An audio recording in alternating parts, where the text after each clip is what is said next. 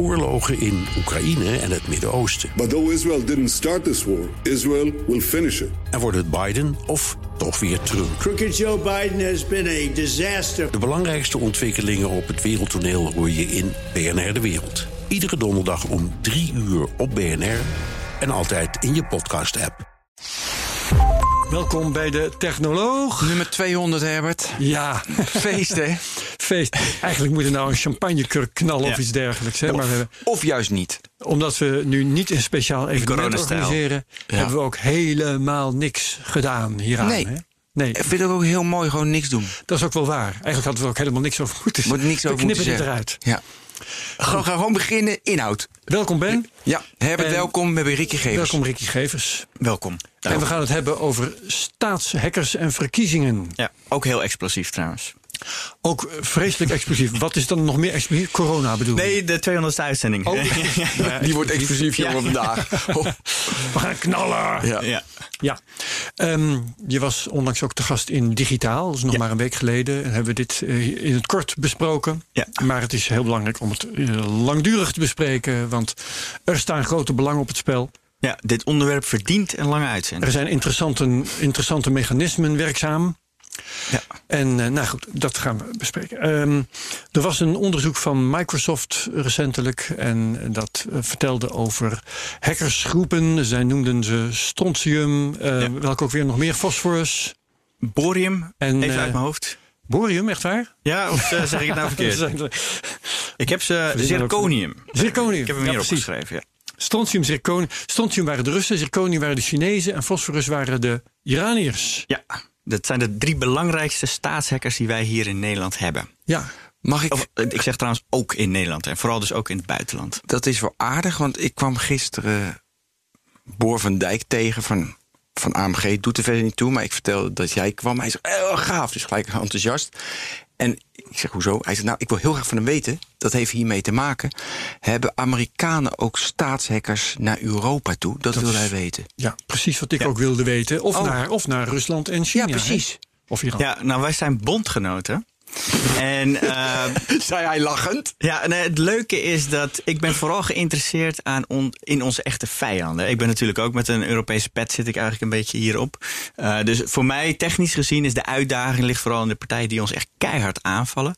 Eh, maar de Amerikanen doen dat ook. En dat is natuurlijk een beetje via Snowden eigenlijk naar buiten toe Ja, gekomen. precies. hè. Dat het ook geen lievertjes zijn, zal ik ja, zeggen. ja. en eh, het voordeel van die Amerikanen is, is dat wij dus als bondgenoten met elkaar omgaan. Dus wij delen heel veel informatie. Dus een heleboel hoeven ze eigenlijk niet op de stoute, om het even stoute manier te noemen, eh, te verkrijgen. Maar je ziet, via Snowden hebben we eigenlijk dus gezien dat ze dat dus wel doen. Het verschil zit er maar alleen in dat wij niet zo heel veel gevaar lopen wanneer een Amerikaan bijvoorbeeld ons netwerk hackt. En dus de interesse ook een stuk minder is. En ik denk dat dat de reden is dat ook dus bijvoorbeeld bij mij de focus daar echt een stuk minder op is. En alle Ja.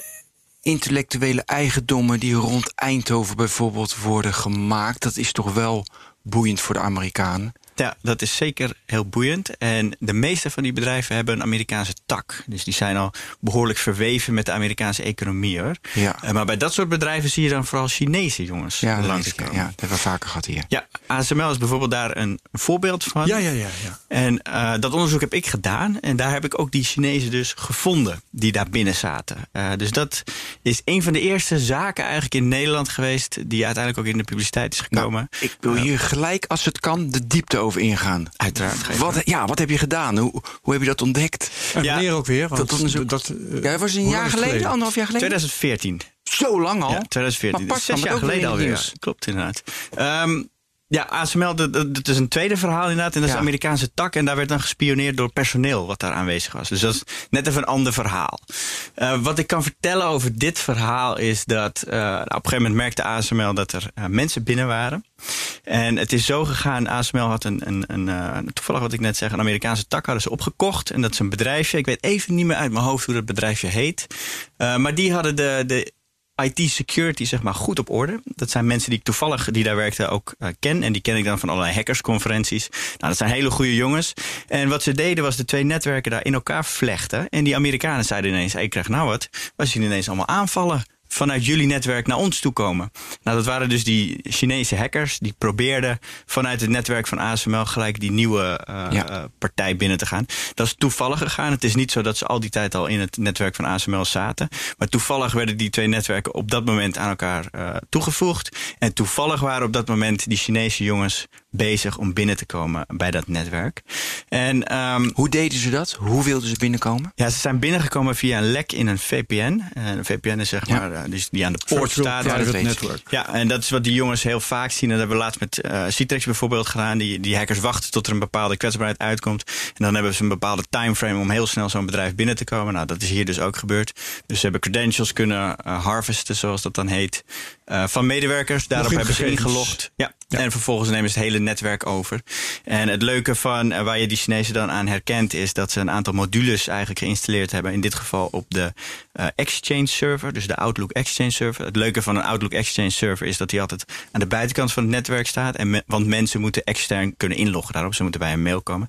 Dus dat is een heel fijn plekje zeg maar, om dataverkeer het netwerk te laten verlaten. En wat ze hier hadden gedaan, dit is letterlijk hoe het onderzoek gegaan is hoor. En dat is ook heel leuk. Uh, want zo gaan die onderzoeken gewoon. Uh, op een gegeven moment zag ik één pagina. En dat was de error.aspx op de Exchange server. En daar ging heel veel dataverkeer overheen.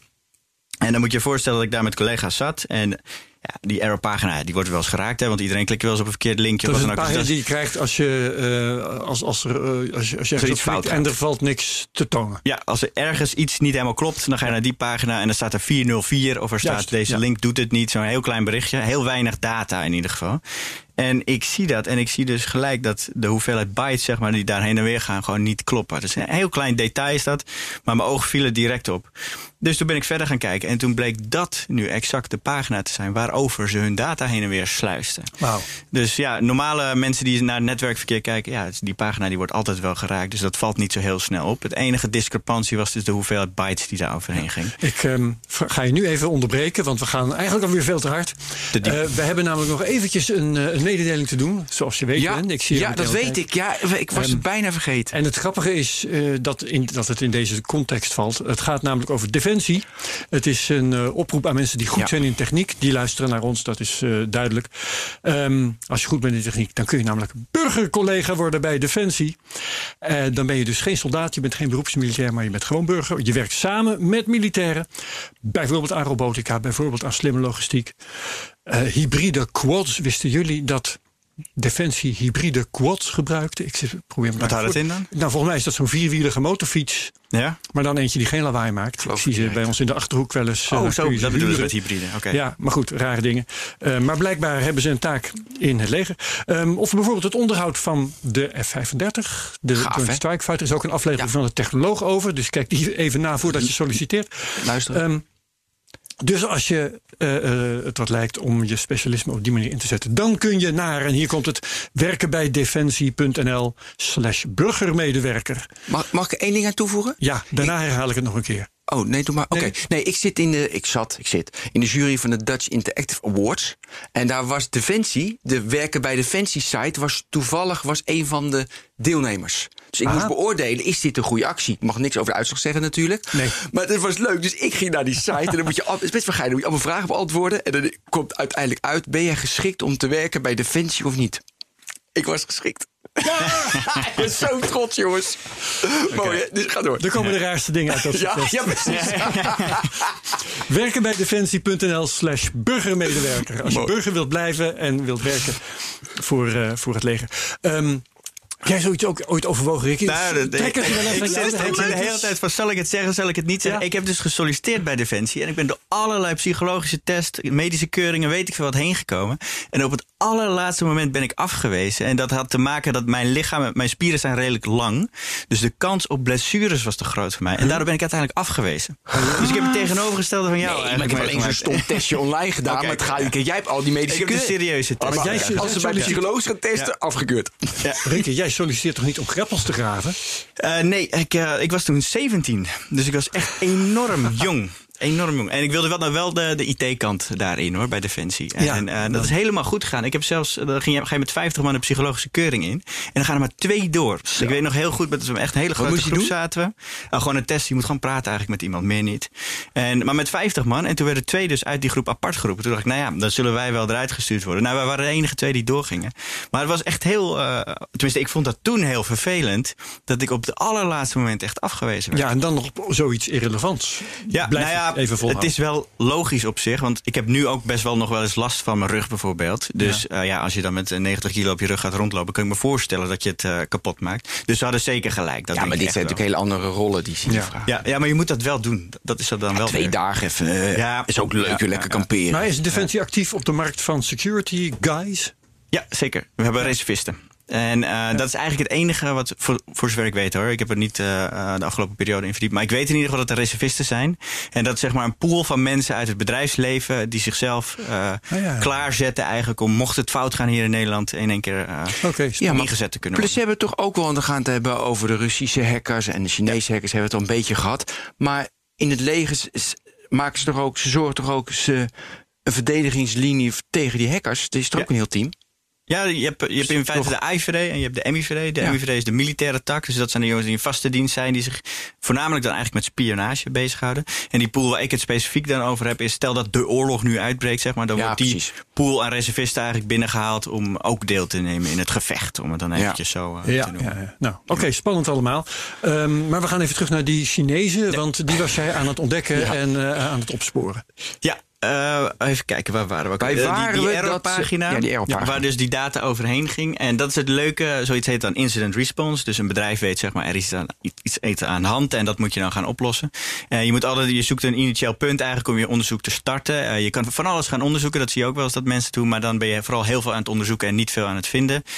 Wat ik, waar ik het zelf vaak mee vergelijk is dat je vindt dan een draadje en aan dat draadje ga je trekken en dan kom je steeds verder en verder. Nou, dit was dus de, de errorpagina die we uiteindelijk hadden gevonden en vanuit daar zijn we steeds verder gaan trekken eigenlijk aan het draadje en zo zie je dus dat uiteindelijk het hele netwerk daar eh, is overgenomen. En daar hebben ze allerlei verschillende exploits voor gebruikt. De pagina die ze hier al gebruikten, deze errorpagina, was al heel kenmerkend voor de Chinezen, dus dan heb je al gelijk al een vermoeden. En wat zijn de niet- kenmerken dan? Wat zijn de Chinese ja, kenmerken? Dat noemen ze dan een, een type webshell. En een webshell zorgt ervoor dat jij toegang tot een, een bepaald netwerk houdt. En eh, deze was dan, eh, ik zeg het nu even versimpeld hoor, laat het even duidelijk zijn. Maar die was van in de Chinese taal al. Dus dan wel een Europese persoon die, dat, die Mandarijn kent, zeg maar, de- die heeft er al een stuk meer moeite mee. Dat zegt verder niet zo heel veel, zo'n dingetje. Maar goed, je weet wel al een richting in ieder geval waar Is je dat nou een beginnersfout moet, van de Chinezen? Want ik neem toch aan dat ze eigenlijk liever hebben dat ze niet worden herkend. Ja, ik denk dat het. eh, dat is een hele een vraag die heel vaak gesteld wordt binnen ons wereldje. Eh, Maar vaak is het gewoon, denk ik, en dat is de theorie erachter, en dat zullen we nooit zeker weten, dat het eigenlijk niet zoveel uitmaakt. Als je namelijk eenmaal betrapt wordt, dan maakt het niet zo heel veel uit. En eh, in dit geval zagen we dan op een gegeven moment verschillende andere exploits die ook nog gebruikt werden, die heel kenmerkend eigenlijk voor China zijn. En zoiets ga je dan vervolgens verifiëren met andere partijen in het veld, die dus bijvoorbeeld ervaring hebben met andere breaches. En dan zie je al snel dat er een bepaald patroon ontstaat, wat richting één kant wijst.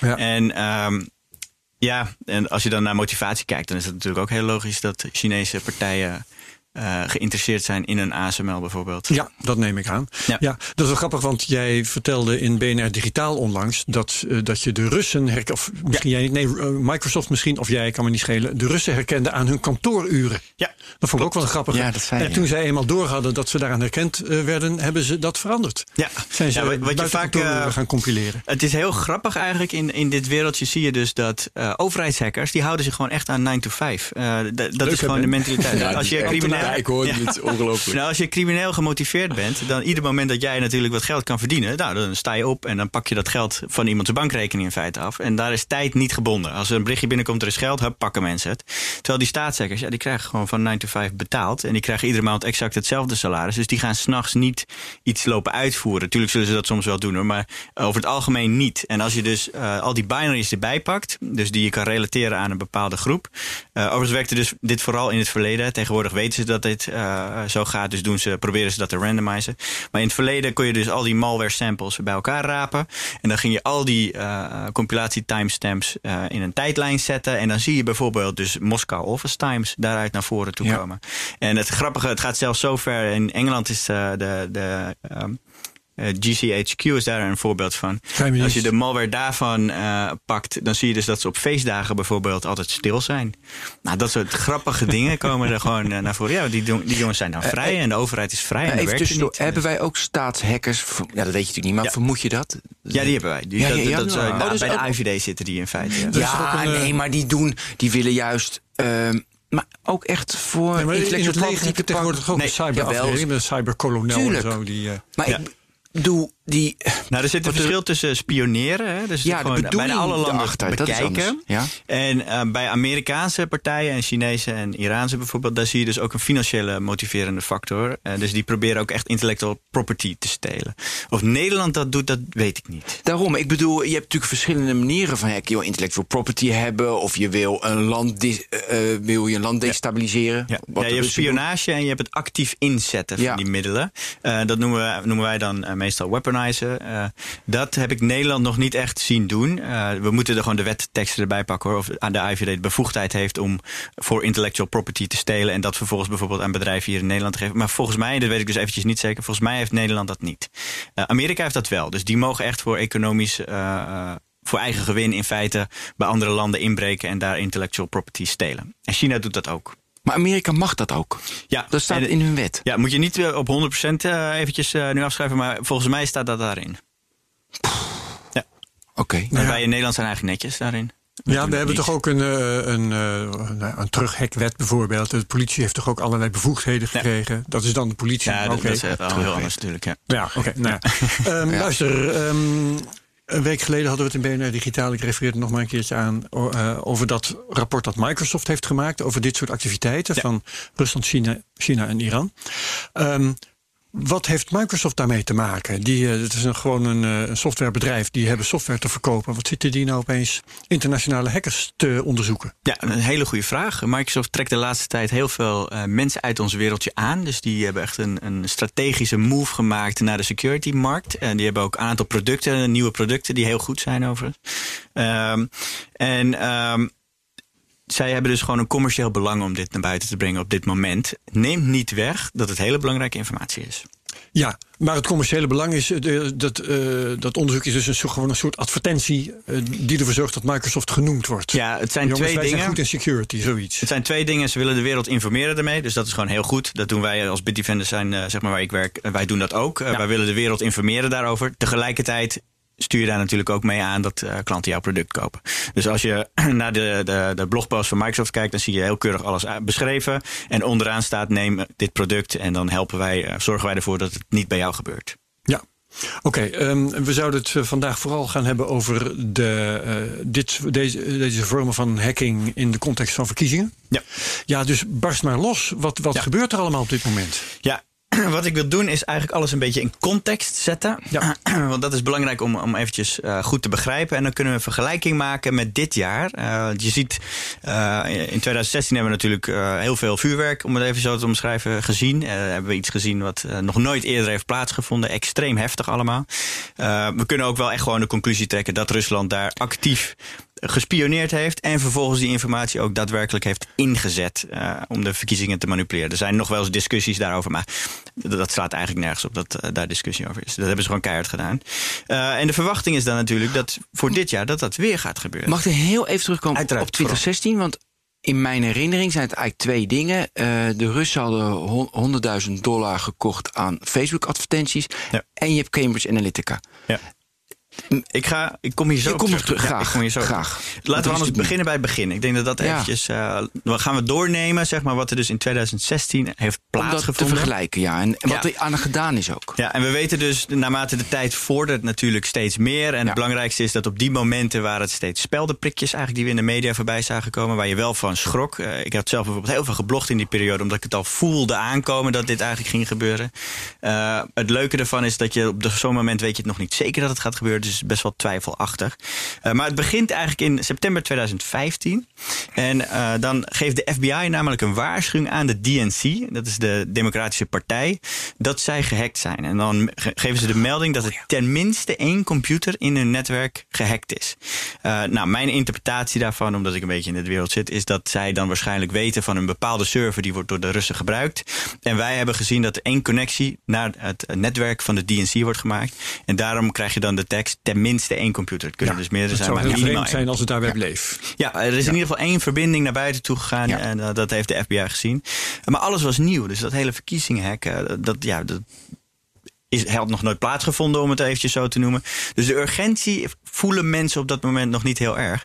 Dus die melding is aangekomen en de DNC heeft daar niks mee gedaan.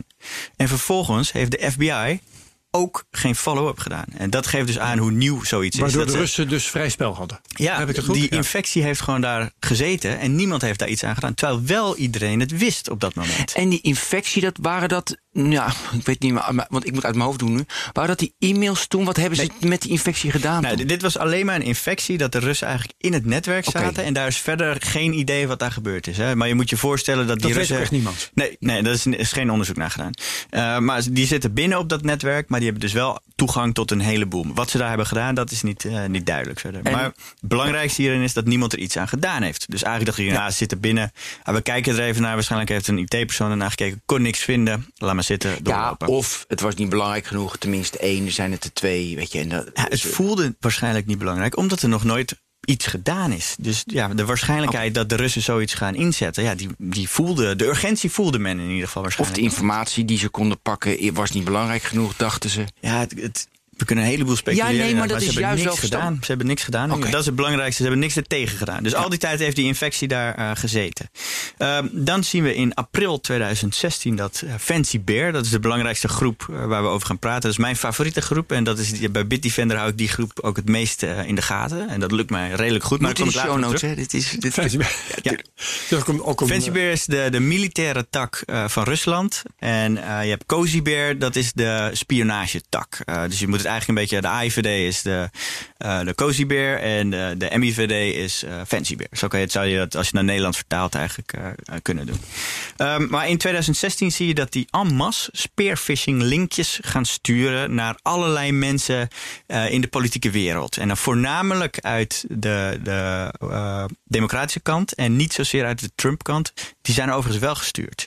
wel een aantal, dus niet volledig. Maar het grootste is in ieder geval gefocust op de democratische partijen. En uh, spearfishing is iets wat iedereen kent binnen de cybersecurity. En het is nog altijd een van de meest effectieve methoden om. Het zijn aan... op de persoon gerichte mails ja. die de bedoeling hebben om ja. aan login-informatie dus te komen. Dus ik stuur dan heel gericht naar jou, Herbert, één mailtje. En daarin zet ik Herbert, uh, we hebben een verdachte login-poging gezien. Klik even op dit linkje om jouw wachtwoord uh, aan te passen. En het leuke van deze hack is, is dat we het daadwerkelijke e-mailtje wat gestuurd is, die is openbaar geworden. Want heel veel e-mails zijn uiteindelijk gelekt. En daar kan je dus zien dat dat mailtje voorbij komt. En daar zie je ook de mailconversatie die er vervolgens op volgt. Dan zie je dat John Podesta, daar is in, uh, dat is in dit geval de relevante persoon, zijn naar duizenden personen is gestuurd hoor. Uh, maar deze persoon trapt daarin. En, Als uh, enige? Die, Nee, als een van de vele. Een van okay, de vele. Maar die is uiteindelijk ja. de belangrijke persoon ja. hierin geworden. Um, en die, die stuurt dan een mailtje naar de IT-afdeling. Is dit echt? En die persoon reageert dan met... Uh, ik weet eventjes niet meer de exacte dag, tekst hoor. Maar die stuurt iets van ja. Dus heel kort antwoord. en die persoon zelf die interpreteert, die IT'er, die heeft achteraf verklaard van dat hij bedoelde van, daarmee te zeggen van dit is dus foute boel. Dit is echt een hack. Ja. ja. en John Podesta heeft het geïnterpreteerd als dit is legitiem. Dit is geweldig. Dus ja, daar kan je over discussiëren of het nou de IT'er is die zijn hachje hmm. probeert te redden. Of dat het, uh, ja, dat, dat is, maakt verder ook niet zo heel veel uit. Dit gaat door. Ja, dus die voert zijn wachtwoord daar vervolgens in. Een medewerker, niet hij zelf overigens. Uh, en vanaf dat moment hebben zij dus volledig toegang tot zijn e-mailbox. En uh, wat hackers doen op het moment dat je toegang hebt tot die e-mailbox, is de volledige content in één keer downloaden. Mensen zeggen wel eens, ja, als je e-mailaccount gehackt is, dan moet je je wachtwoord veranderen. Dat is te laat. Want een goede hacker die heeft dan al lang al de hele content van die e-mailbox gedownload.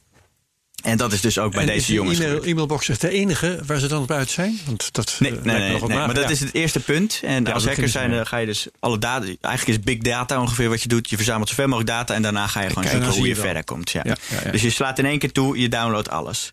Um, dan komen we op 29 april 2016. En uh, dan heeft het DNC eindelijk een beetje in de gaten dat, uh, dat er iets aan de hand is. Dus die huren dan CrowdStrike in. Dat zijn onze concurrenten. Een heel mooi bedrijf is dat. En die zijn heel goed in uh, dit soort onderzoeken. En die komen binnen één dag komen ze al tot de conclusie van Rusland zit hierachter. Dus die komen echt vrij snel, zien ze al in het netwerk. kijk, ik weet niet wat ze gezien hebben hoor. Maar als je binnen een dag weet dat Rusland erin zit, uh, dan is mijn voorstelling dat er gewoon heel veel redenen zijn om te denken dat Rusland uh, daarin zit. En dat wordt, wordt vervolgens niet naar buiten gebracht. Dus dat wordt aan die partijen verteld. Dus jij moet je voorstellen, je bent de PvdA. Je weet dat op dat moment uh, de Rusland binnen zit. Uh, maar alles is nog steeds zo nieuw dat je denkt, ja, wat moeten we hiermee? Nou ja, laten we maar hopen dat het goed afloopt. Hè. Eigenlijk is het een beetje uh, fingers crossed. we brengen het niet naar buiten en we stilzwijgen en doorlopen. Beetje wat we nu met corona doen ongeveer. Blijk, blijkbaar een psychologische, psychologische actie is dat. Hopen dat het goed komt. En hoop is een hele effectieve strategie. Behalve nu. uh, maar dan komen we op 18 mei nee, 2016. Even nu, om, sorry, weer, weer onderbreek. Wat hadden ja. ze moeten doen op dat moment? Daar moet je meteen mee naar buiten komen natuurlijk. Want dit is zo belangrijk. Ja, ze komen mee naar buiten en dan? Uh, nou, dan kan je in ieder geval het publiek daarover informeren. En dan zet je de kansen in het spel wat gelijker. Want nu, ga je, nu weet je dus van uh, Rusland zit bij ons binnen. En die hebben mogelijk allerlei informatie. En gedurende die hele periode kan dat tegen jou gebruikt worden. En je kan dan beter open kaart meteen spelen. Van we weten er is wat gebeurd. We hopen dat het goed komt. Uh, we weten niet wat er in de Weet toekomst niet, verder gaat gebeuren. Maar stilzwijgen, dat is vaak niet de beste oplossing in dit soort uh, Nee, situaties. maar een organisatie uh, heeft natuurlijk een gigantische drempel Ja, om ja, in naar buiten te brengen. Wij zijn gehackt. Ja, en dat, dat is het lastige. Wat, die beslissing moet iemand nemen. En dat is een hele heftige zaak. En dat zie je in het bedrijfsleven zie je dat ook vaak. Hè, dat bedrijven gehackt worden. Je ziet heel vaak dat directeuren dat eigenlijk liever niet gewoon naar buiten toe brengen. Dat, dus Pas nu zie je een beetje een kanteling. Hè, omdat we ook wetgeving daarvoor hebben. En dan zie je dat het wat vaker. Maar nog steeds niet altijd uh, naar buiten komt. Het liefst is een bedrijf. Of komt een bedrijf naar buiten. Dat ze zo min mogelijk gehackt zijn. Nou, dit is vier jaar geleden. Dus dat is echt wel een stapje terug in de tijd. Ja. Uh, daar houden ze dus stil. Dus stilzwijgend. 18 mei. Ja, dan gaan we naar 18 mei 2016. En daar komt eigenlijk het eerste serieuze bericht in de media naar buiten. En die komt van James Clapper. Dat is uh, het hoofd van de DIA. Dat is Dir- Director of Defense Intelligence. Dus, uh, En vergelijkbaar- ex-baas van de NSA, hè? ja, inderdaad, ex-baas. Maar op dat moment doet hij eh, bij eh, Defensie. En dat kan je zo zien dat eh, je hebt de NSA bijvoorbeeld, hè, die doet nationale eh, eh, inzichten. En Defense, die focust dus vooral op militaire takken. En het is dus. Dat is mijn interpretatie overigens hoor. Maar eh, defense houdt zich dus vooral ook bezig met fancybeer. Omdat dat dus ook een militaire tak is. En ik denk dat dat de reden is dat James Clapper hiermee naar buiten komt. En niet de NSA bijvoorbeeld. Eh, overigens zullen ze wel waarschijnlijk alle twee eh, doorhebben hoor. Maar het is vooral de taak van de defense kant om dit naar buiten toe te brengen. Ja. En die uh, vertelt dan dat zij uh, met high confidence weten uh, dat er presidential campaigns gehackt worden op dat moment. Waaronder de DNC en de DCCC. En DCCC is een afdeling eigenlijk van de Democraten.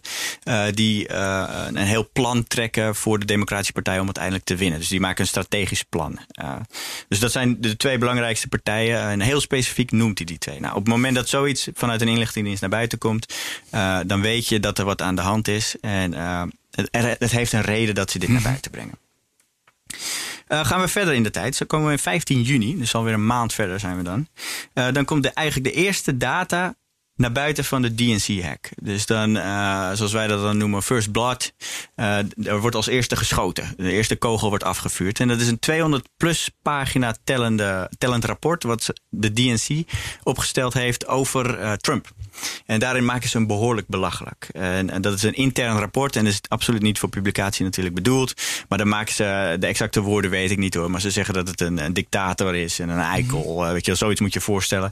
En dat is natuurlijk voer voor prachtige gossips. En als jij een Trump-aanhanger bent en je ziet dat ze dat daarover zeggen, weet je, dan, dan, je alleen nog maar de meer emoties, ja, dan worden, ja. de emoties worden goed gevoed in ieder geval op ja. dat moment. Maar de DNC brengt dat naar buiten? Nee, dat wordt via drie media naar buiten toegebracht. Uh, dat is Gawker, The Smoking Gun en de Washington Post. Uh, dit is, uh, de Washington Post is de favoriete krant uh, van Trump. Maar die krijgen dat materiaal dan van de Russen of op ja, een of andere manier? Dat wordt ah, dat door, rapport is door de Russen gemaakt.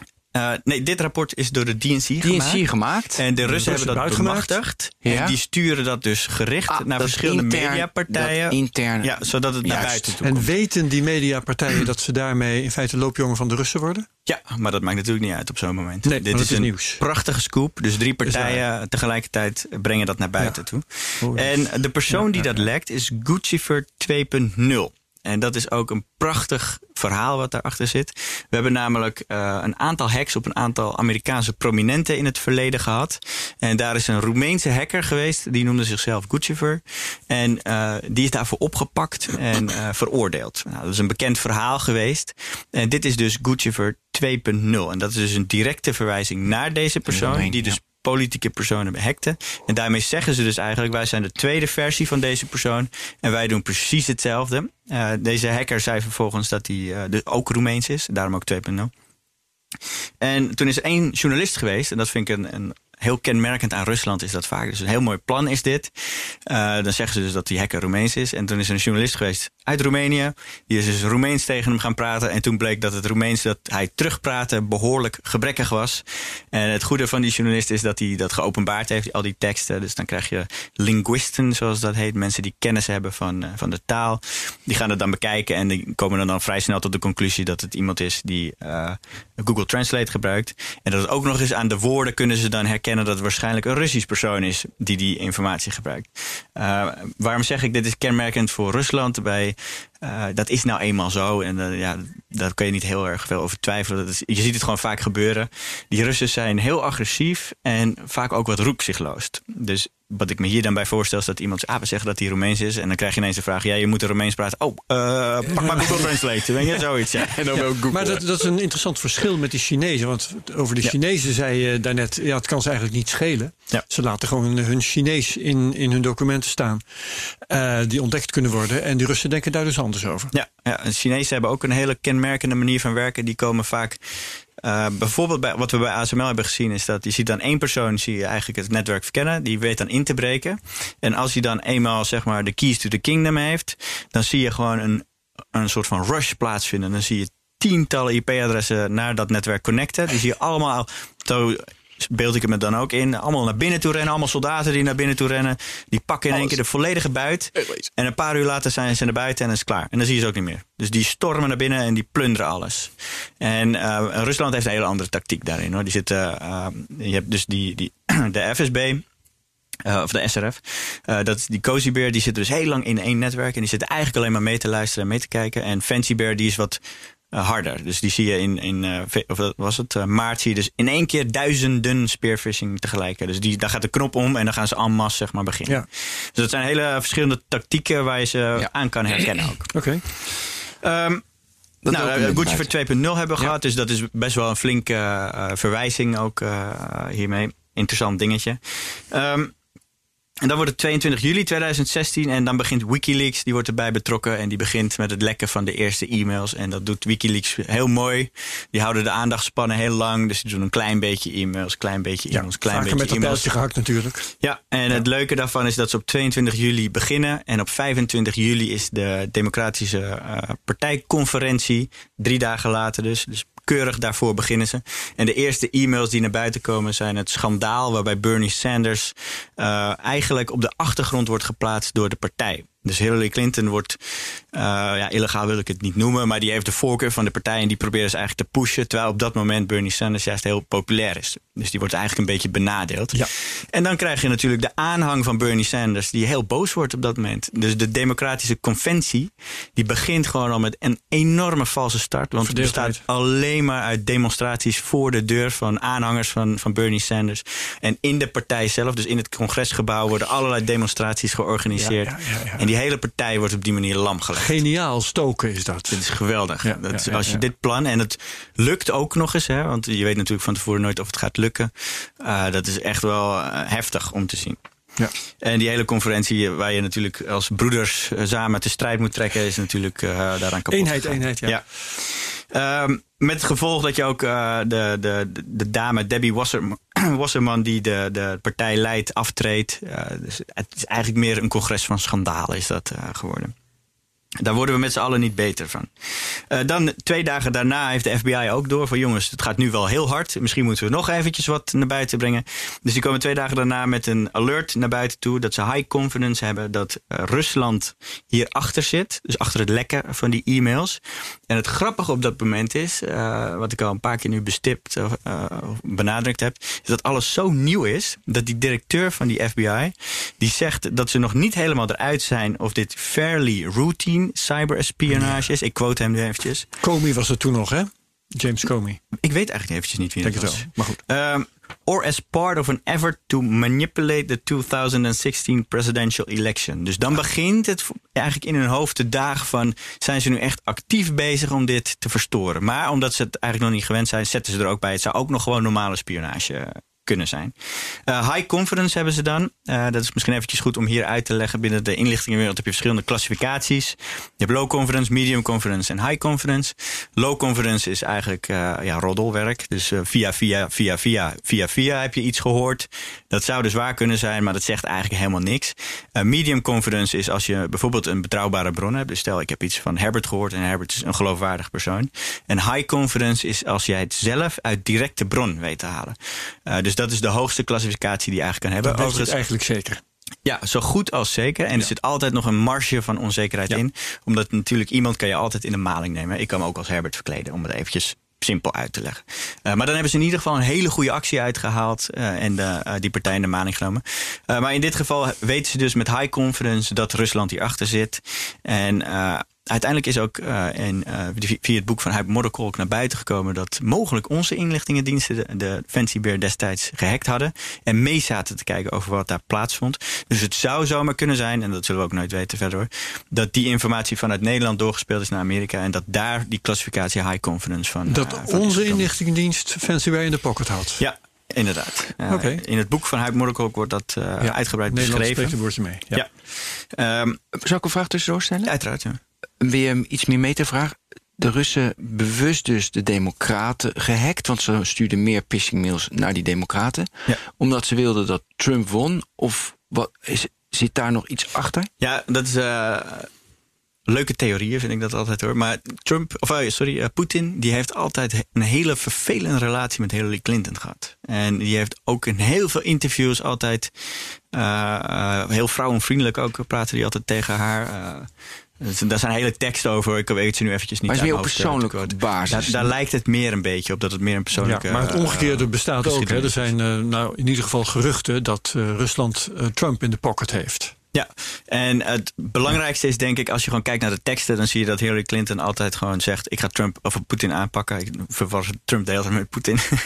uh, ik ga Poetin aanpakken. En uh, Trump zegt dat uh, Poetin een geweldige stratege is. Nou ja, wie moet jij dan kiezen als vriend? Dan kies je natuurlijk altijd iemand die jou. Uh, maar het is heel erg op het persoonlijke vlak. Hoe klinkt het nu? Ja, kijk, ik en weet minder niet, geopolitiek, oh, weet je niet. Nee, nee dat, dat zullen we nooit weten, want we kunnen natuurlijk niet in het hoofd van Poetin kijken. Maar als je kijkt naar wat hij gezegd heeft, dan vertelt hij vooral dit soort dingen. En de relatie met Hillary Clinton, die ook dus echt gewoon altijd aangeeft van ik ga hem keihard Ja, ja, ja. aanpakken en dit Daarom. moeten we niet toelaten. Ja. Uh, er lijkt mij een logische reden voor Poetin uh, om voor Trump te kiezen. Die dus, en Trump zat vooral met verwondering naar, uh, naar Poetin te kijken. Van kijk eens wat hij in Syrië allemaal weet te bereiken. Kijk eens wat hij daar weet te Ja, bereiken. Kijk eens Uh, op zijn paard zitten. ja, en uh, Trump heeft ook heel vaak gezegd van ik ga goede relaties met Poetin uh, verzorgen.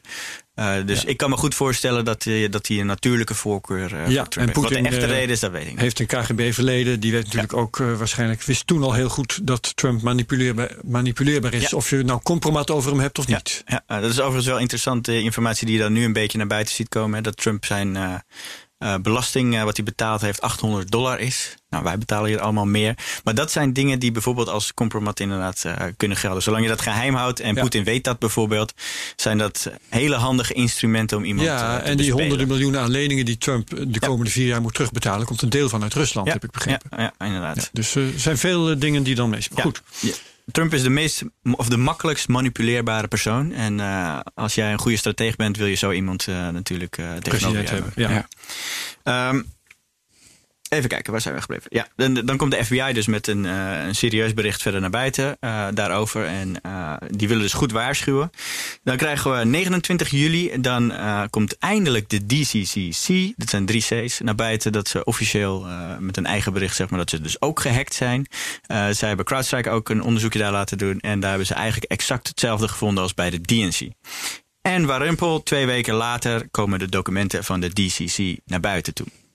En uh, de DCC doet dus strategische uh, informatie verzamelen binnen de Democratische Partij. En wat ze daar doen is bijvoorbeeld interviews met uh, kandidaten van de Democraten. En dan mag je eigenlijk vrijuit praten over die partij. En daar zie je dus collega's die dus bijvoorbeeld zeggen... ja, die Herbert is echt een loser en daar kan ik niks mee. En hij heeft schulden en hij loopt te gokken of hij zit achter de vrouw aan. Allemaal van dat soort dingen. Dus nou, dat wordt allemaal op straat gegooid. En dat is natuurlijk prachtig voer verder... om die hele partij eigenlijk uh, te slopen van binnenuit. En overal het vuurtje flink, uh, flink op te steken. Op te stoken. Um, dan gaan we eventjes naar een, een sidestap toe. 27 augustus. Uh, overigens is het belangrijk eventjes om nog te melden dat 8 november de verkiezingen zijn. Dus dat is een, in de aanloop zo daar naartoe. Volgens mij had ik dat nog niet genoemd. Dat ja, 8 november was. Altijd begin november. Ja. ja. Uh, en dan op 27 augustus 2016, dat is vanuit mijn vakgebied een hele mooie, heel mooi moment. Dan komen de Shadow Brokers tevoorschijn. En de Shadow Brokers is een hackgroep. En het leuke, dat vind ik zelf echt een prachtig verhaal. Of het waar is, kan ik helaas ook niet controleren. Dat zijn de geruchten. Maar de Shadow Brokers is een figuur in een spelletje. En uh, dat, in dat spelletje uh, kan je bij die figuur langs en die verkoopt dan illegaal verkregen documenten. En het schijnt dus zo te zijn dat dat spelletje het favoriete spelletje bij de afdelingen van de NSA is. Dus die jongens die bij de NSA werken, die spelen allemaal dat spelletje. Dus als dat waar is, dan is dat natuurlijk een enorme dolksteek voor zo'n partij. Van shit, zij weten ineens blijkbaar wat ons favoriete spelletje is. Of je voelt je goed bekeken, laten we het eventjes zo omschrijven. En die persoon verkoopt illegaal verkregen documenten. En wat doet de shadowbrokers? Die verkopen het wapenarsenaal van de NSC op dat moment. Dus die start een veiling voor de hoogste bieder, die krijgt die informatie. Nou, ik weet niet hoe het daar gegaan is natuurlijk, maar ik kan me voorstellen als jij die, die NSC daar bent en je ziet dat ineens online komen, uh, dat je je het leplazer schrikt. Want dat betekent dat de NSC zelf gehackt is. Ja, exact. Al jouw informatie wordt daar tentoongesteld en die wordt gefeild eigenlijk. Daar komt het neer. En dan ook nog eens door het karakter van het spelletje wat jullie allemaal lekker met de afdeling hier zitten uh, te spelen. Dus heel pijnlijk. Ja, ik denk dat je niemand, je buurman kan je niet meer aankijken op dat moment, want iedereen wordt verdacht. Um, nou is de grote vraag, waarom gebeurt dit op dit moment? Een maand voor de verkiezingen. En waarom gebeurt het überhaupt? Dat kan je ook afvragen. Twee maanden, hè? September, oktober. Uh, nee, dit is uh, oh, 27 augustus. Ja, twee maanden ja. van tevoren inderdaad. Um, je kan je afvragen, waarom is dat? Uh, nou, dan kan je dus vooral speculeren, dus, uh, wat we hier doen. Maar één ding weet ik zeker. En dat is dat zo'n uh, afdeling goed mank gelegd wordt op zo'n moment. Alle aandacht gaat ineens niet meer naar het in de gaten houden van Rusland toe. Alle aandacht gaat ineens van wie loopt hier alles van ons te lekken. Ja. Um, Uiteindelijk bleek, uh, dat hebben ze ook heel keurig gedaan, dus steeds een stapje meer lekken. En uiteindelijk hebben ze al die informatie uh, online gegooid. En daar hebben ze de belangrijkste wapens van de NSA hebben ze online geslingerd. En dat is de grootste buit aan wapens, uh, digitale wapens ongeveer, die ooit gewoon gelekt is. Wat voor dingen zaten daar bijvoorbeeld bij? de allerbelangrijkste, en die kent iedereen, dat is een exploit waarmee je iedere Windows computer over kan nemen. Dat is een SMB-exploit en die heeft uiteindelijk tot WannaCry geleid. En... Ehm, nou, dat kennen we allemaal van de computers die gelokt werden bijvoorbeeld. Um, maar zo'n wapen is enorm uniek. Eén keer in de tien jaar komt zoiets naar buiten. En als jij zo'n wapen uh, voor jezelf geheim hebt, dan betekent het gewoon dat jij als NSC zijnde dus iedere Windows computer op dat moment kan overnemen. Nou, als je een spionagedienst bent, is dat wel fijn als jij iedere computer die hier staat, zeg maar, kan overnemen. Um, dus dat die informatie online komt te staan, dat is een enorme blow. Uh, maar wie deed dat nu? Vanuit de Shadowbrokers. En dat is een, een mysterieuze hackersgroep. In, in, ons verhaal van vandaag is dat weer een nieuwe entiteit. Ja, het is een nieuwe entiteit. Ja, ja. maar het is wel een belangrijke stap dus. Hè, want, uh, uh, maar het zijn Russen, Amerikanen, de Shadowbrokers? Dit zijn waarschijnlijk gewoon de Russen geweest. En uh, er is een heleboel ook uiteindelijk naar buiten gekomen. En waarschijnlijk is het zo gegaan dat het via Kaspersky is gegaan. Kaspersky heeft antivirus. En een medewerker van de NSA heeft daar waarschijnlijk een klein foutje gemaakt... door Kaspersky te installeren op zijn computer. En die jongens die bij Kaspersky werken, die zitten al een hele tijd achter de NSA aan. Die, die groep noemen ze de Equation uh, groep, omdat ze hele belangrijke wiskundige dingen doen. En, maar die hebben op een gegeven moment bepaalde rules eigenlijk uitgerold over hun netwerk om de malware die de Equation Group gebruikt te kunnen herkennen. Mhm. En dan moet je je voorstellen dat die persoon van de NSA die heeft dus per ongeluk, waarschijnlijk per ongeluk, Kaspersky geïnstalleerd. Kaspersky herkent dus ineens, hey, ik zie hier allemaal bestanden staan die lijken op NSA-apparatuur. En wat de Kaspersky software dan doet, is die informatie uploaden naar het Kaspersky netwerk. En daar zit er dus een analist, die krijgt al die data binnen. En uh, die ziet dan ineens van, uh, wat zullen we nou krijgen? En hier staan ook overigens teksten van hoor. Dus dit is de meest waarschijnlijke uh, Ja, dus wat een uitgebreid nieuwsverhaal geweest ja. destijds. En een medewerker is toen ook naar de directeur van Kaspersky toegestapt. Van jongens, ik heb hier een aantal zip-files met allemaal informatie de directeur van Kaspersky zegt vervolgens: Oh, je moet dat nu direct verwijderen, want dat is intellectual property en daar doen wij niet aan mee. Uh, feit is verder wel dat op dat moment ineens dit soort informatie ook uh, blijkbaar bij de Russische diensten terechtgekomen is. Ja, en vanuit de Amerikaanse regering is toen gezegd: jongens, we gaan geen Kaspersky meer gebruiken, want die heulen met de Russen, is een Russisch bedrijf natuurlijk. Ja. ja. Uh, en Kaspersky. Um, heeft strak volgehouden dat, uh, dat zij niet onder één hoedje speelde met de. Ja. En, en, zij vertelde erbij het verhaal dat jij nu vertelt. Dus ja, dat verweer, dat uh, vind jij aannemelijk. Uh, dat, dat Kaspersky zij... niet actief nou, met kijk, het de ding is, regering heeft geheuld, maar dat dit een nee, gevolg nou, was van hoe hun product werkte. Het is ja, in feite dat. Uh, ze hebben vooral niet bewust die informatie gedeeld. Maar inlichtingendiensten werken op zo'n manier dat zij bijvoorbeeld ook mannetjes hebben zitten, dus agenten in feite bij Kaspersky. Uh, zijn, ik zou het niet corrupte mensen willen noemen hoor, maar die hebben eigenlijk een taken bij. En die worden sidelings zeg maar betaald. En ik geloof heel goed dat Eugene Kaspersky, dus de directeur van Kaspersky, heeft gezegd: jij moet die informatie verwijderen. Maar die andere collega heeft die informatie eventjes op een USB-stickje gezet en zeg maar daar afgeleverd. Die dingen gebeuren overal in de wereld. Dat is ja. namelijk gewoon hoe spionage verder werkt. Ja. Uh, dat Kaspersky daar keihard ingaat. Uh, dat zij dus niet uh, actief daaraan hebben bijgedragen. dat is ook waar. Die beide zijn waar. Maar ergens is die informatie wel uiteindelijk op het bureau van die Russische inlichtingendienst terechtgekomen. Ja. En die hebben dus ook besloten om dat vervolgens dus te weaponizen. op dit moment, twee maanden voor de verkiezingen. Um, ja, dat is dus een heel belangrijk uh, moment ook. En ik kan me goed voorstellen dat zo'n inlichtingendienst dus, uh, op dat moment behoorlijk defunct werkt. En, niet heel uh, actief meer hiermee bezig is. Of in ieder geval andere dingen aan hun hoofd hebben. Dus strategisch gezien is dat gewoon een mooi moment om dit soort informatie naar buiten toe te, te brengen. dan krijgen we 6 november, dat is twee dagen voor de verkiezingen. Dan krijg je eigenlijk nog een laatste blow vanuit Wikileaks. Die gooien dan alle data online. En op 8 november weten we allemaal, dan wordt Trump verkozen waar niemand Ja. het verwachtte, eh, wordt hij uiteindelijk toch eh, verkozen. Dus nou, je ziet hier een tijdslijn vanuit september Wat een 2015. filmscript, hè, dit. Ja, dit is wel de gefilmd worden. Dit is... Uh, maar je ziet dus een tijdslijn vanuit 2015 uh, Ja. tot aan de verkiezingen. Zie je dus alleen maar events eigenlijk gebeuren. En uh, super interessant. En in het begin werd alles dus eigenlijk... Ah, het zal toch niet, het zal toch niet, het zal toch niet. En uiteindelijk gewoon keihard, volledig uh, gaan we erop in. Uh, maar nu is het interessant. Hè? Nu gaan we even naar dit jaar kijken. Want Ja, nu verwacht we gaan iedereen... vergelijken. Dat is hoe het menselijk brein werkt. Hè? Als het in 2016 heeft Mag plaatsgevonden. ik nog even, want ik begon Ja. met die 100.000 dollar. Dat- Dat is dus echt penis in vergelijking Ja. met dit. En Cambridge Analytica ook penis in vergelijking met dit. Of dat, alles is- bij elkaar. Het is alles bij elkaar inderdaad. natuurlijk. En ik wil me vandaag zeg maar vanuit de technische kant vooral inderdaad eventjes... eh, maar het is wel even goed te denken om te benoemen. Je hebt de trollfabrieken natuurlijk ook. De IRA, de Internet Research Agency. Die dus allerlei eh, eh, dingen inzetten in feite om de publieke opinie in Amerika te Ja. beïnvloeden. En een onderdeel daarvan is bijvoorbeeld, eh, je hebt geloof ik zoiets als Black Lives US, geloof ik.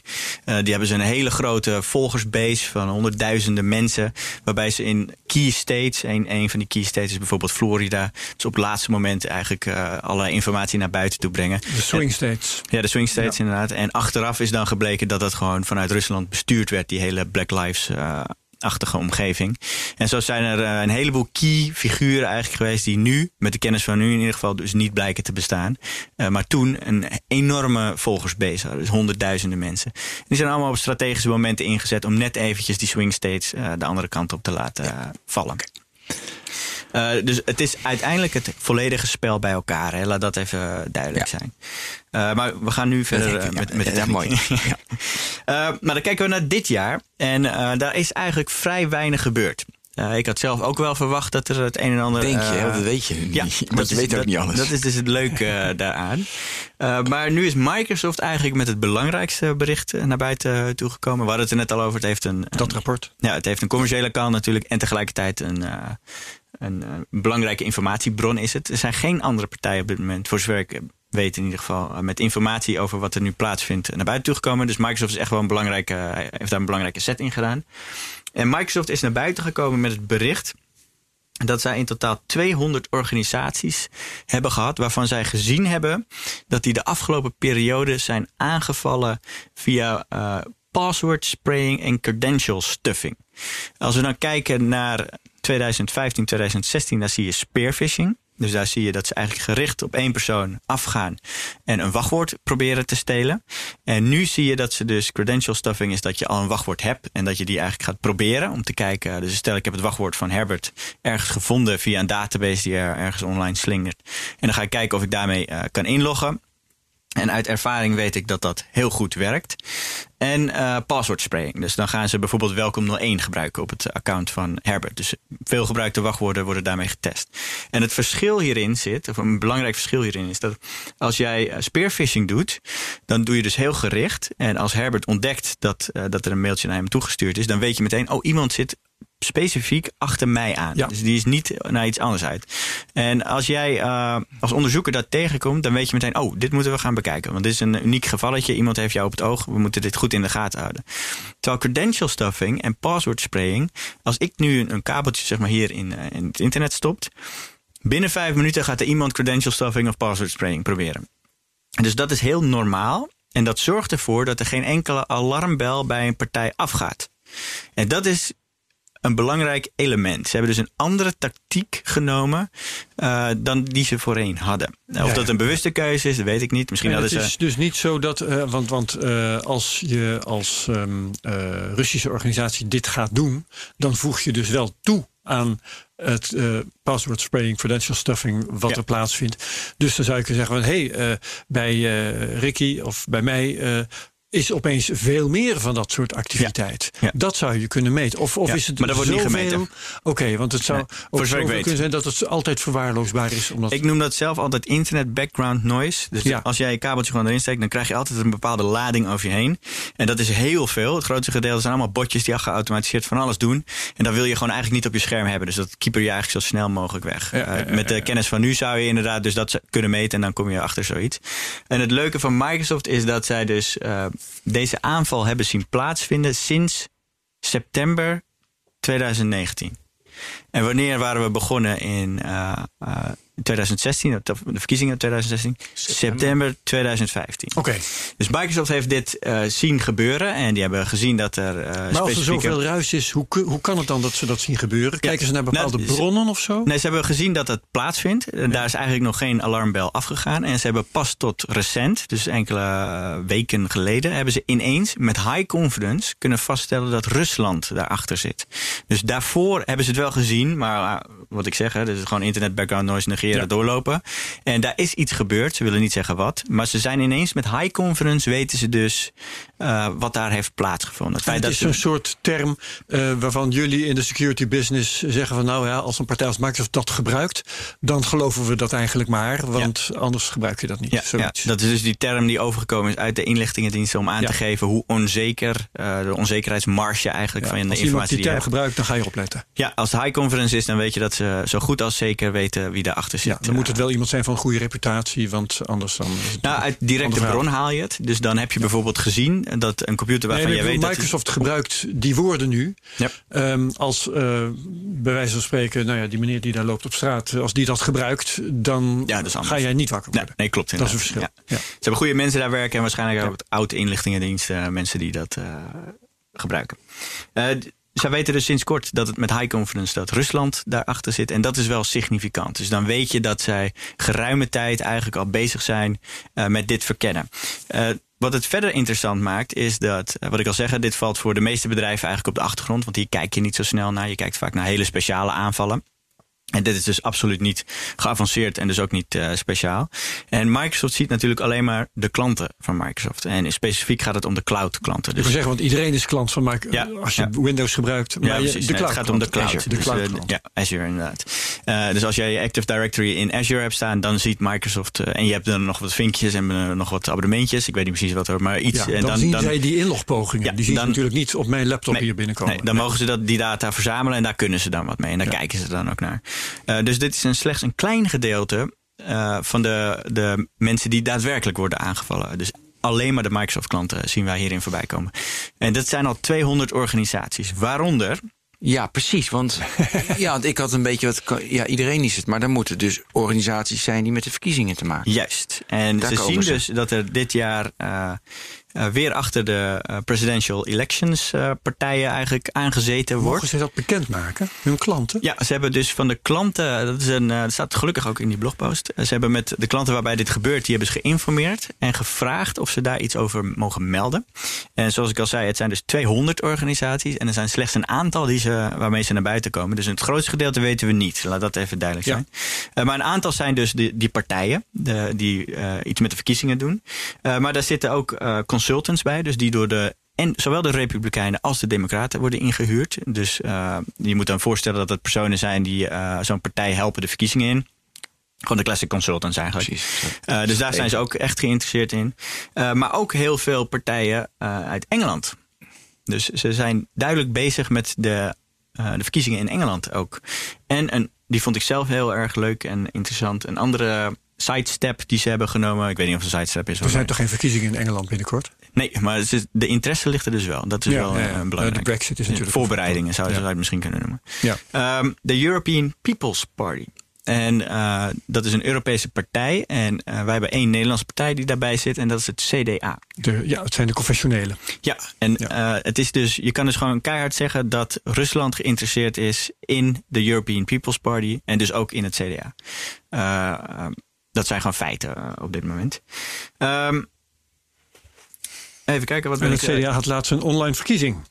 Ja, Oh ja dat, was de, de sidestep die ik eventjes kort wilde maken inderdaad. Uh, dan zie je dus dat uh, we een online verkiezing hebben gehad. En dan kan je zeggen van ja, dat, dat zal allemaal wel uh, technisch gewoon niet zo goed geregeld en niet zo slim. Dat is waarschijnlijk ook wat het is hoor. Maar onthoud dat Rusland veel meer interesse heeft in van alles. En Rusland heeft in het verleden, in Oekraïne bijvoorbeeld, al eens echt de uh, election om proberen te gooien. In Oekraïne hebben ze dat specifiek gedaan. Uh, uh, je hebt daar, ik weet niet exact hoe het zit, dus ik heb vooral de teksten gelezen, maar ik ben natuurlijk niet in Oekraïne geweest om erbij te zijn. Ehm, wat ze daar doen is, zij tellen de, de stemmen gewoon en die worden uiteindelijk in een computer gestopt. En die computer komt dan met een getal naar buiten toe. En dat is dan het resultaat van de verkiezingen. En Rusland heeft die specifieke computer gehackt. En die hebben een andere uitslag op het scherm laten zien. En, en daar is in uit mijn hoofd 2014 was dat. Daar kwam ineens een persoon uit, uh, winnen, als winnaar uit de verkiezingen die helemaal niet populair was. Dus dat viel meteen op. En toen zijn ze gelukkig dat uh, manueel, dus met dat handje eigenlijk na gaan tellen. En toen bleek er een hele andere uitslag uh, te zijn. En zo zijn ze erachter gekomen dat Rusland die computer gehackt heeft. Zo. Maar het is dus heel belangrijk om te weten dat Rusland dit actief doet. En als ze de kans krijgen om het uit te voeren, dan zullen ze dat ook uh, zeker doen. Ja, werpt ook wel weer een nieuw licht op uh, online stemmen en uh, ja digitaal stemmen en dat soort zaken. Ja, het gebeurt. Dat is uh, echt de belangrijkste conclusie daarin. Um, dan wil ik nog eventjes verder gaan uh, met dit jaar. Dus we hebben nu 200 organisaties die actief worden aangevallen door uh, Rusland. Maar we hebben nog nergens eigenlijk gezien dat informatie geweaponized wordt, zoals we dat wel eens ja, noemen. Dus die informatie dat affaires en ingezet wordt. In het publieke um, domein komen. Ja. Nou zagen we gisteren een uh, document online komen van, ben ik even de naam kwijt wie het uh, De zoon van Trump. Dat is Donald Trump Jr. Ja. dat is informatie die gedeclassificeerd is en daarin staat dat de uh, de directeur van de NSC heeft die informatie naar gedeclassificeerd, dus publiek gemaakt. Uh, daarin staat omschreven dat uh, de Amerikaanse inlichtingendiensten erachter zijn dat de Russische inlichtingendiensten destijds in 2016 achter het plan zijn gekomen van Hillary, Hillary Clinton om het hackgerucht, zeg maar, mhm. actief in te zetten en eigenlijk Trump te framen dat hij samen met Rusland meedoet. En um, als we dan hebben over die klassificaties, uh, waar het hierin over gaat. Dus die informatie wordt naar buiten toe gebracht. wordt als een groot ding eigenlijk uh, naar buiten toe gebracht. En als jij niet helemaal begrijpt van hoe, dat, hoe je dat moet levelen of waar je dat moet plaatsen, die informatie, dan lijkt het van, als zie je wel, Hillary Clinton zit hierachter en die heeft gewoon een verhaaltje lopen opstoken hè, om, om in, in, haar voordeel eigenlijk uh, te werken. Maar wat ze eigenlijk alleen maar zeggen is dat ze via via hebben gehoord dat mogelijk een plan zou gebeuren. Dus als je daar een klassificatieniveau op moet plakken, dan zou dat echt low confidence zijn. Mm Dus echt, je zou bijna roddelwerk Ja, dat is dus eigenlijk geen publicatie waard. Nee, en, maar die informatie wordt dus blijkbaar wel nu actief ingezet door de zoon van uh, Donald Trump Jr. En die persoon was ook degene die in 2016 uh, contact had met Wikileaks en dat balletje in ieder geval. Ja, maar dus lopen, oude informatie die ja. ze toen hadden ontdekt opnieuw nu naar buiten brengen. Ja, deze, je kan zeggen dat deze informatie nu eigenlijk actief wordt ingezet uh, om de huidige verkiezingen in ieder geval enigszins te beïnvloeden. Dus je ziet dat men wil wel. Dus als er informatie is, dan wil men wel. Uh, nou kan ik zelf verder nog iets delen wat ik heb gezien. Uh, zoals ik al zei, hè, bij, bij Bitdefender hou ik dus deze groep ook in de gaten. En het leuke van deze groep is, is dat ze relatief eenvoudig zijn te volgen. En uh, ik heb een aantal. Hoe komt dat dat ze eenvoudig zijn te volgen? Uh, nou, dat was een beetje het gedeelte dat ik af en toe het idee heb. En of dat waar is, dat, dat is speculeren dus hoor. Uh, dat ze af en toe wat roekzichtloos zijn. Dus ja. dat ze vooral gewoon snel actie willen en resultaat. En dat ze daarna betrapt worden, dat maakt ze eigenlijk niet zo heel veel uit. Um, nou hou ik een aantal servers in de gaten van deze groep. Hier hebben wij nog niet over gepubliceerd hoor. En waarschijnlijk gaan we dat ook niet doen, omdat niet heel... Uh, kom ik zo. Um, maar daar zie je een aantal servers die dus online staan. En uh, die servers uh, zijn gemiddeld 13 tot 14 servers die altijd online staan. En je moet dat zo zien, die worden via Bitcoin vaak gekocht. Dus dan wordt een domein gekocht via Bitcoin. Er wordt een server gehuurd via Bitcoin. En mijn invulling daarvan is dat ze dan voor twee jaar betalen. Want wat je ziet bij die servers is dat zo'n server en zo'n domein leveren ongeveer twee jaar. Na twee jaar dat domein, zie je de server offline gaan en is verdwenen. En het interessante daaraan is dat zodra er eentje verdwijnt, komt er een nieuwe. Dus dan wordt er een nieuw domein geregistreerd en een nieuwe server komt ergens uh, online. Die servers die staan vaak in Europa. En die hebben hele specifieke software. Via die specifieke software kunnen wij ze uh, goed in de gaten houden. En ze hebben één foutje. Uh, en dat is waarom we ze met vrij grote zekerheid kunnen volgen. En dat is hoe zij, uh, dat is een primeur, dat staat nergens. Maar, um, dat is hoe zij hun certificaten registreren. En ja. dan moet je je voorstellen, ze hebben gewoon een kleine menselijke fout gemaakt. Uh, dit is overigens weer mijn invulling hoor. Ik denk dat zij een script hebben hoe zij die service inrichten. Dus zij huren iets, ze kopen een domein en dan drukken ze ergens op start. En dan wordt automatisch wordt van alles gegenereerd en dan wordt die server klaargezet. Want dat ga je niet met de hand iedere keer doen. En daar zit dus een klein foutje in. En dat zit hem specifiek in het registreren van de certificaten. En wat ze daar doen, je moet allerlei informatie invoeren bij die certificaten. En ik, doe niet het exacte voorbeeld hoor, want dat wordt een beetje te uitgebreid om te volgen. Maar stel dat je daar moet invoeren je, first name, dus je voornaam, en je achternaam. En zij maken de fout dat ze dat omdraaien. Dus in plaats van first name doen ze achternaam en bij achternaam doen ze first name. Nou denk je, in de wereld zijn vast een heleboel mensen die deze fout maken. Dat ben ik dus gaan uitzoeken en dat blijkt gewoon niet zo te zijn. Zeker nog, we hebben maar één keer een false positive, zoals wij dat dan noemen, uh, kunnen vinden. Uh, er is dus maar één persoon waarvan wij uiteindelijk hebben kunnen zien dat die diezelfde fout heeft gemaakt. En voor de rest zijn alle servers die, als je daarop zoekt, zeg maar, uitkomen rollen, zijn alleen maar servers die actief door deze partij worden gebruikt. Dus dat is heel interessant. Leuke indicator. Ja, ik hoop, uh, nu kom ik overigens ook waarom ik dit naar, naar buiten uh, breng op dit moment. Um, dat is een, manier van ons dus om ze in de gaten te houden. En dat delen we dan vooral niet. Hè, want als je het vertelt, nou, dan gaan ze het uh, oplossen en dan kun je ze niet meer volgen. Uh, maar de afgelopen periode, sinds juli, zien wij dat al die servers offline gaan. Dus één voor één zien we ze verdwijnen. Sterker nog, op dit moment zijn er nog maar twee servers online. Er zijn twee servers die nog actief zijn. Eentje en staat... nog, nog even terug, wat is de functie van die servers ook weer? Ja, um, dat is uh, wat wellicht een belangrijk uh, dingetje is om te noemen. Zij hebben hele specifieke malware die ze dus schrijven om die uh, informatie te verzamelen. En dan hebben ze nog een ander stukje malware die uh, die informatie eigenlijk vooral naar buiten toe sluist. Dus ze zorgen dat ze een soort van proxy hebben, waardoor die informatie ongezien naar buiten toe kan zonder dat iemand doorheeft dat dat gebeurt. dat stukje malware heet X-Agent en de software waarmee ze het wegkrijgen heet X-Tunnel. in 2016 hebben wij per toeval de source code van die informatie op een server gevonden. En dan moet je voorstellen dat wij dus wisten van die server wordt daarvoor gebruikt. En die server hadden ze per ongeluk als open directory ingericht. Dus daar is gewoon, gewoon een menselijke fout is dat gebeurd. Ja. Nou, dat hebben wij gezien. Dus die informatie hebben we daar snel vanaf gehaald.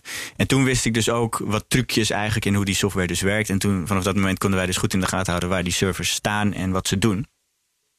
Ehm, even kijken, waar, waar was ik gebleven? Uh, die servers die verdwijnen. Die, verdwijnen. die komen dus eentje eraf, eentje komt erbij. Soms zijn er twee, soms zijn, komen er weer twee bij. En sinds juli zien wij dus ineens dat ze verdwijnen. Dus dan zou, je kunnen, zou het kunnen zijn dat die domeinen expire. Maar dat is niet het geval. Die domeinen expire niet. Dus ze worden actief uitgezet. Ja. Er is iemand die op de uitknop drukt. Dat, dat is gewoon een andere conclusie kan je eigenlijk niet dus trekken. De wapens worden opgeruimd, als het ware. Ja, de vraag is dus: is dit bijvoorbeeld de NSA die zegt: hé hey jongens, jullie gaan dit dit jaar niet doen? Wij schakelen die servers uit. Uh, dat zou een theorie kunnen zijn. Het kan ook zijn dat ze de wapens, wat jij zegt inderdaad, aan het opruimen zijn. Dus misschien hebben ze al allerlei informatie weggesluist. En misschien weten ze van nou, we gaan de komende maanden dan gaan we dat inzetten. Laten we alvast onze sporen gaan wissen. Zodat die servers niet meer uh, te vinden zijn. Het zijn allemaal VPS-servers. En je moet het zo zien dat daar zijn backups van uiteraard. En dan kan je allerlei forensische sporen natuurlijk uithalen. Hoe eerder je zo'n server uitzet, hoe groter de kans is dat die data volledig gedelete is. En je daar niet eenvoudig meer bijvoorbeeld uh, bij kan komen. Overigens is de kans nog steeds groot dat, dat mensen wel wat informatie vinden. Maar hoe sneller, hoe beter. maar goed, dit is allemaal speculeren.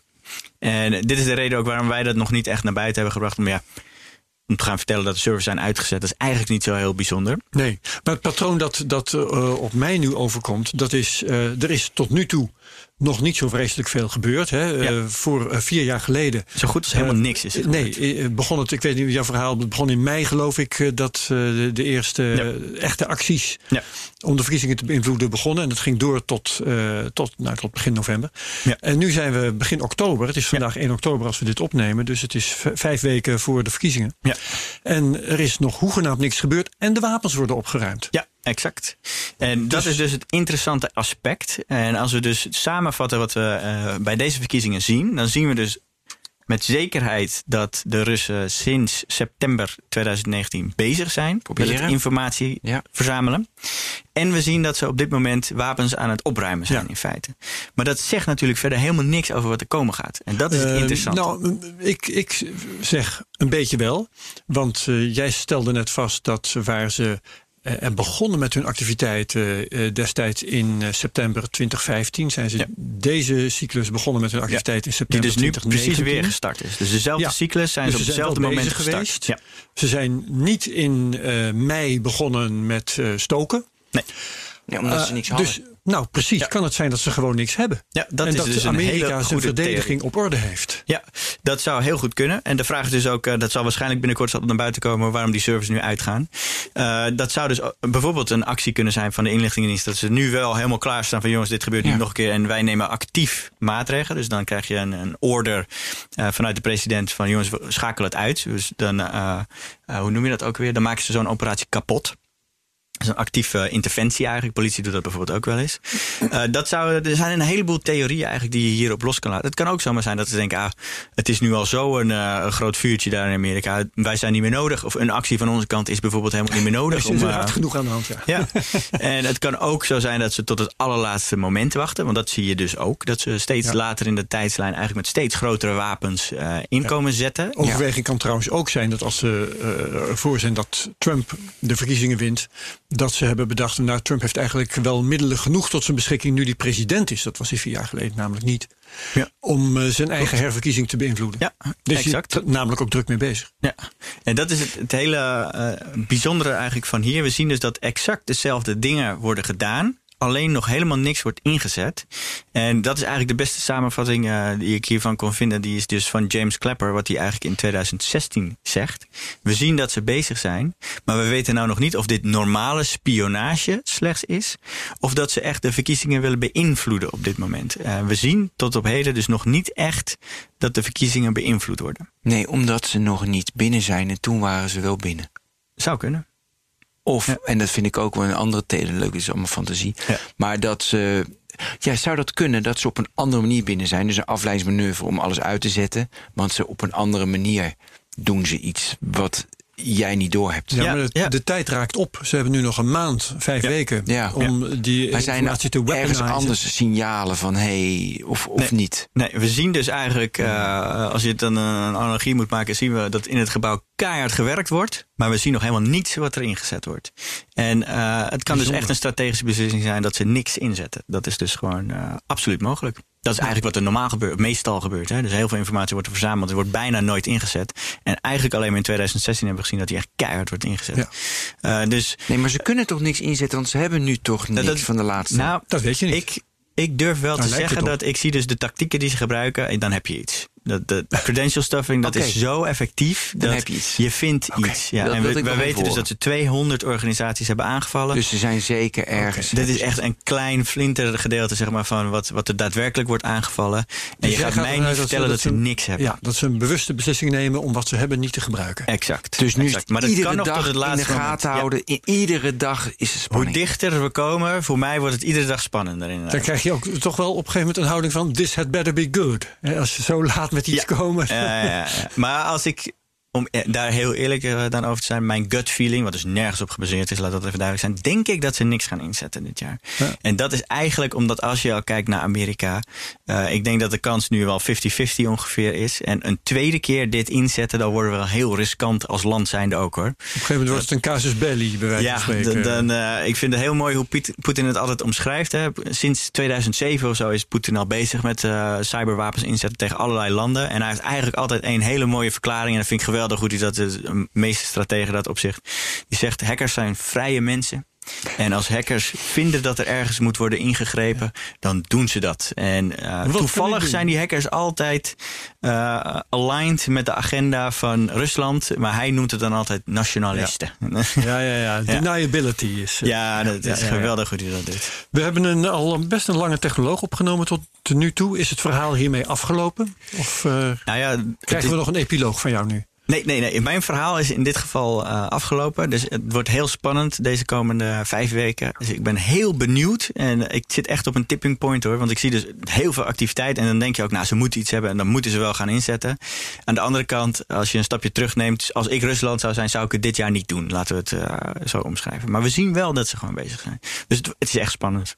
Oké, einde. geweldig verhaal. Mooi verhaal. Onwijs bedankt. Leuk dat je het met ons hebt willen Ja. delen. Ricky Gevers, werkzaam bij Bitdefender. Herbert, Dankjewel. bedankt. Voor deze 200ste technoloog was dat een hele mooie invulling. Hele mooie invulling. Ja. Toch nog spetterend? Of, eh? Ja, ja, ja, ja. Inhoudelijk top. Spannend, ja. Dankjewel. Ehm, hartelijk dank. Tot de volgende technoloog. Wie hebben we dan, Ben? Uh, Weten wij het uit ons hoofd? Marieke, wacht even, wacht even, nee, wacht even. Bakker. Over Wat? Apple. Over Apple. Oh, Apple, mooi. Leuk. Oh, volgende week Jasper Bakker over Apple. Ja. Dit was technoloog nummer 200. Heel graag tot de volgende. Tot ziens. Bedankt. Dag.